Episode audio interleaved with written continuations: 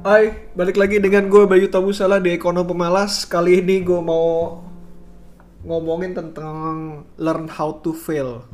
Bagaimana cara untuk uh, apa ya? Fail safe. Ah, fail safe tuh bahasanya beda ya. Lebih ke arah gagal tapi aman. Nah itu yang sebenarnya gue pengen bahas sih Uh, cuman sorry banget nih kalau misalnya tiba-tiba gue merancau ke area lain karena gue baru aja ngejual uh, Prodia gue dan uh, Prodia sekarang harganya mulai naik lagi. Jadi uh, lumayan kesel. Walaupun untung lumayan tapi ya lumayan kesel juga. So uh, ini yang sebenarnya gue mau obrolin soal bagaimana cara gagal yang aman. Kenapa? Uh, yang kenapa lu harus belajar itu? Karena uh, gini ya, gue waktu itu pernah mau belajar skateboard dan belajar mana sih sebenarnya. Yang pertama yang dilakuin itu adalah bagaimana kalau misalkan terjadi hal-hal yang tidak diinginkan gitu. Apalagi uh, extreme sport, extreme sport tuh kayak apa ya? Kayak paragliding, oh sorry, para layang. Iya para layang. Gue pernah uh, ikut para layang juga. Tapi uh, yang dipelajarin ya itu mereka ngasih tahu cara-cara bagaimana kalau terjadi kejadian yang tidak diinginkan. Waktu pertama kali belajar skateboard yang dilakuin itu adalah uh, bagaimana cara jatuh yang benar. Jadi kalau misalkan jatuh, uh, impactnya tuh bakalan sedikit. Ya lu bakalan luka, bakalan berdarah atau kayak gimana mungkin bisa terjadi, tapi impactnya akan kecil sekali. Intinya cuma di situ Uh, terus kalau misalkan di apaan para layang juga gimana gitu? Para layang adalah misalkan bagaimana cara mendaratnya. Dia itu sudah sebelum sebelum take off sudah dikasih tahu pendaratan nanti kalau misalkan terjadi anginnya besar atau segala macam itu dikasih tahu sama, sama mereka. Sama halnya dengan kok misalkan tadi gua ngomong apa aja pak? Uh, bermain skateboard ataupun extreme sport. Gue lupa lagi tadi satu olahraga lain uh, intinya adalah bagaimana cara gagal yang benar di mana gagal tersebut akan meminimalisir uh, sakitnya rasa sakit tersebut. Sama halnya dalam lu masuk ke pasar modal sama halnya lu mencoba segala sesuatu yang baru itu sebenarnya yang perlu dipelajari pertama kali adalah bukan cara belajar yang benar gitu kayak misalnya itu. Tapi bagaimana kalau misalnya seandainya lu gagal? Worst case first jadi kayak worst case thing apa yang bakalan terjadi dan bagaimana cara lu handle nya itu yang sebenarnya harus dilakukan Uh, eh, gue sendiri waktu pas bikin SOP di perusahaan yang tempat gue bekerja sekarang itu gue ngomongin tentang fail safe-nya dulu. uh, apa kata kunci aman nih itu fail safe tuh kayak ya itulah. Uh, bagaimana kalau misalkan seandainya terjadi hal-hal yang tidak diinginkan, apa way out-nya? Dan itulah klausel yang harus gue keluarin dulu, uh, yang harus gue amankan kalau misalkan hal tersebut nggak diamankan di depan, uh, eh, gue nggak ngerti lagi apa yang akan terjadi gitu. Jadi kalau misalkan terjadi, uh, ya syukur-syukur kalau misalkan terjadi hal-hal yang diinginkan dan uh, semuanya berjalan dengan lancar, ya lo aman. Tapi kalau misalkan lo nggak apa berbalik arah, apa semuanya market berbalik arah dan against you, uh, against dari apa yang lo pikirkan, hmm, ya, ya itu yang akan terjadi kayak hal-hal yang tidak diinginkan tersebut gitu. Hal-hal yang tidak diinginkan dan kita nggak mau terjadi hal-hal tersebut. Bagaimana kalau misalkan terjadi hal-hal yang tidak diinginkan dan uh, impactnya terhadap kita sebagai pengambil keputusan harus sekecil mungkin. Nah itu yang itu yang itu yang gue lakuin. Kalau misalkan ada beberapa orang yang nanya kayak lu mau masuk pasar modal gimana caranya? Yang pertama lo harus sisihin adalah uh, sisihkan dulu uang untuk belajar. Jadi kayak uang untuk belajar masuk pasar modal. Mungkin lo nggak akan masukin seluruhnya gitu. Uh, gue gue selalu berkata bahwa masuk pasar modal itu jangan pakai paper money tapi pakai real money. Karena uh, feelingnya itu bener-bener kerasa. Dan lu nggak harus masukin secara keseluruhan. Lu masukin ya mungkin sebagian-sebagian aja gitu itu yang pertama lu masukin sebagian-sebagian sampai lu paham bagaimana proses berjalannya sampai lu paham bahwa oh feelnya kayak gini dan harus bagaimana gue harus melakukan apa dan segala macam kalau misalkan lu udah paham hal tersebut lu bisa uh, lo bisa menambah mulai modal lo tersebut. It's okay uh, keuntungan lo nggak banyak, tapi yang pasti kalau misalnya terjadi ke arah yang uh, tidak diinginkan, lo masih punya uang untuk uh, masuk lebih dalam lagi. Itu yang itu yang sebenarnya terjadi. Terus kedua adalah kalau lu nggak tahu apa yang lu lakuin diversifications sama halnya kayak uh, tadi di di mana ya kok oh gue belajar mobil itu uh, waktu pertama kali gue belajar mobil itu selalu diomongin bahwa pertama yang lu harus lakukan adalah ngamanin diri lu dengan cara lihat cermin, posisi bangku apakah udah nyaman dan segala macam.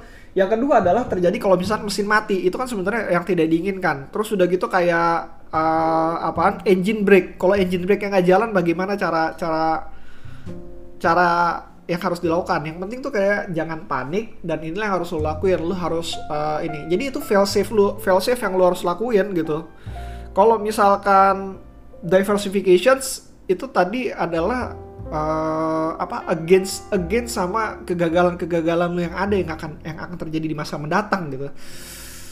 Kalau lu lagi mau testing strategi ya testing strategi lah dengan berbagai macam cara. Jadi jangan jangan pakai satu cara terus udah gitu uh, uh, apa? Jangan pakai apa berbagai macam uh, satu cara sorry gimana? Uh, asal jangan pakai satu cara terus udah gitu lu masukin ke beberapa jenis saham. Gue bilang sih nggak terlalu nggak terlalu berguna ya gitu nggak terlalu berguna. Kecuali lu tahu apa yang lu harus lakuin gitu. Lu lu tahu apa yang harus lakuin. Uh, either way lu harus paham dengan apa yang lu mau dan bagaimana cara kalau misalkan terjadi kegagalan sampai saat ini gue di US itu uh, fokus gue bukan di uh, nggak nggak seperti yang kayak di Indonesia. Karena gue nggak gue instrumennya masih masih kurang paham. Uh, pergerakannya pun nggak nggak nggak se volatile dari Indonesia.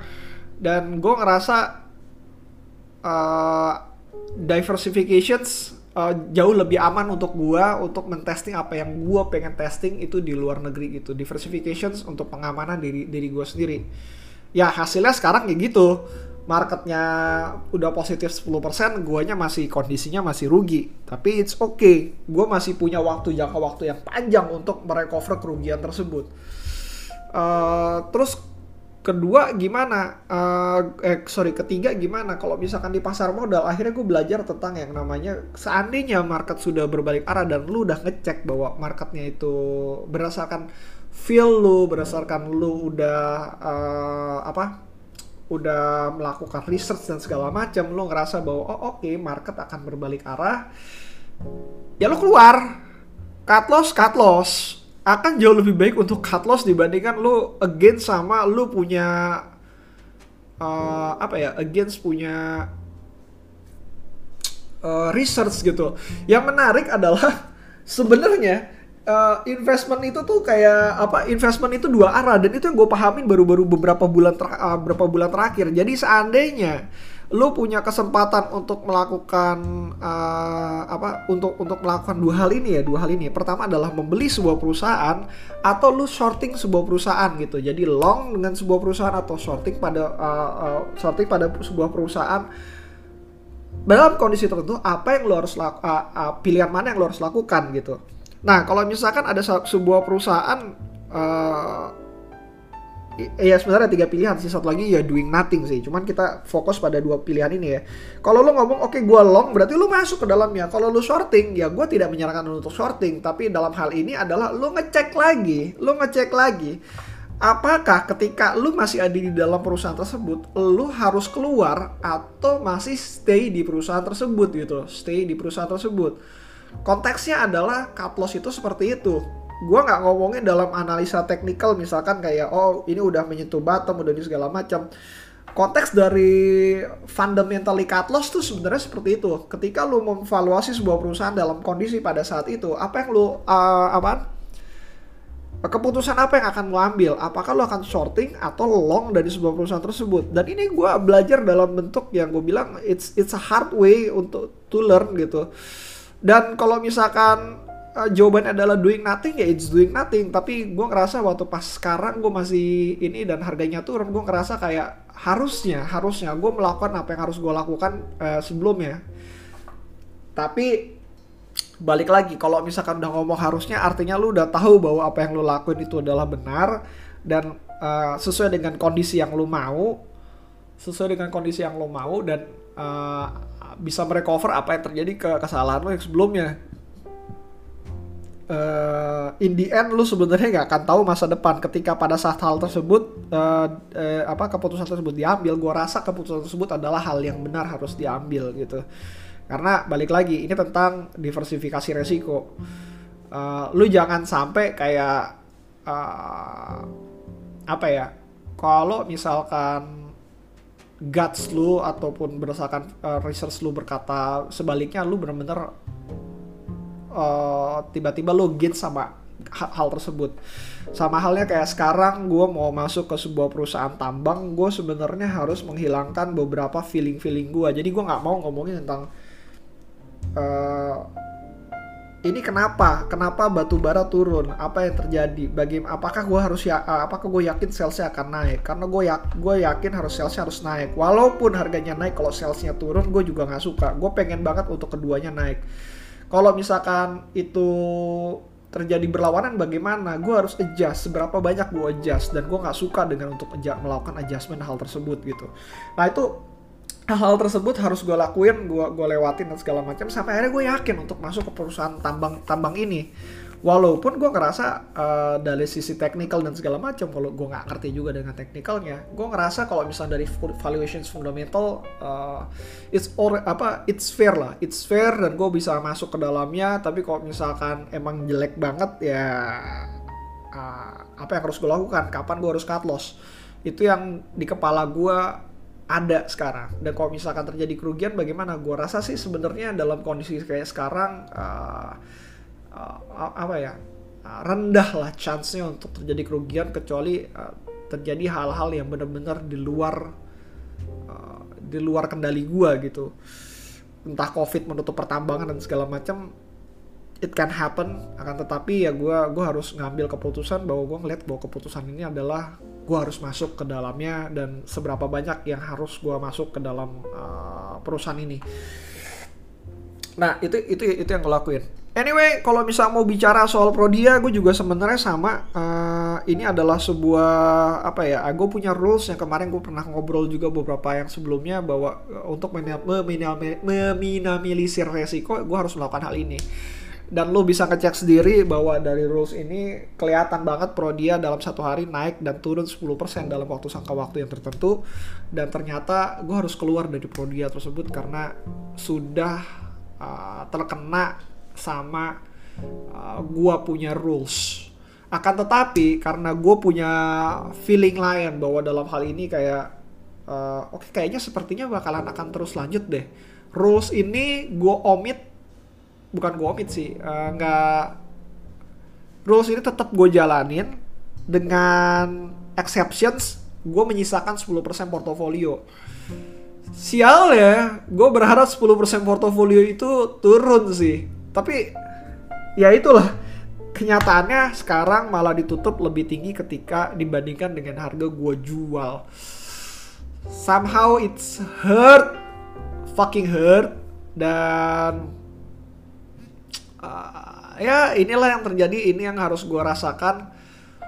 Uh, apakah gue harus mengganti rules tersebut? Nah itu gue juga mesti harus pikirkan karena gue ngerasa bahwa gue harus ngecek lagi apakah rules gue benar. Karena ini adalah rules yang benar bukan bukan berdasarkan pengalaman gue yang cukup panjang masih dalam waktu jangka yang pendek rules ini gue tambahkan dari rules yang dimiliki oleh Juliandri karena gue ngerasa rules ini akan meningkatkan gue punya chance menghasilkan uang dibandingkan hanya dengan menggunakan rules Juliandi saja gitu.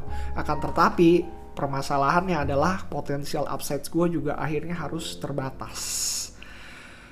Gue harus ngecek lagi apakah rules, rules ini benar harus digunakan atau hanya menggunakan drop 50% dari harga penutupan kelar gue harus keluar uh, atau harus ditambahkan terus ini.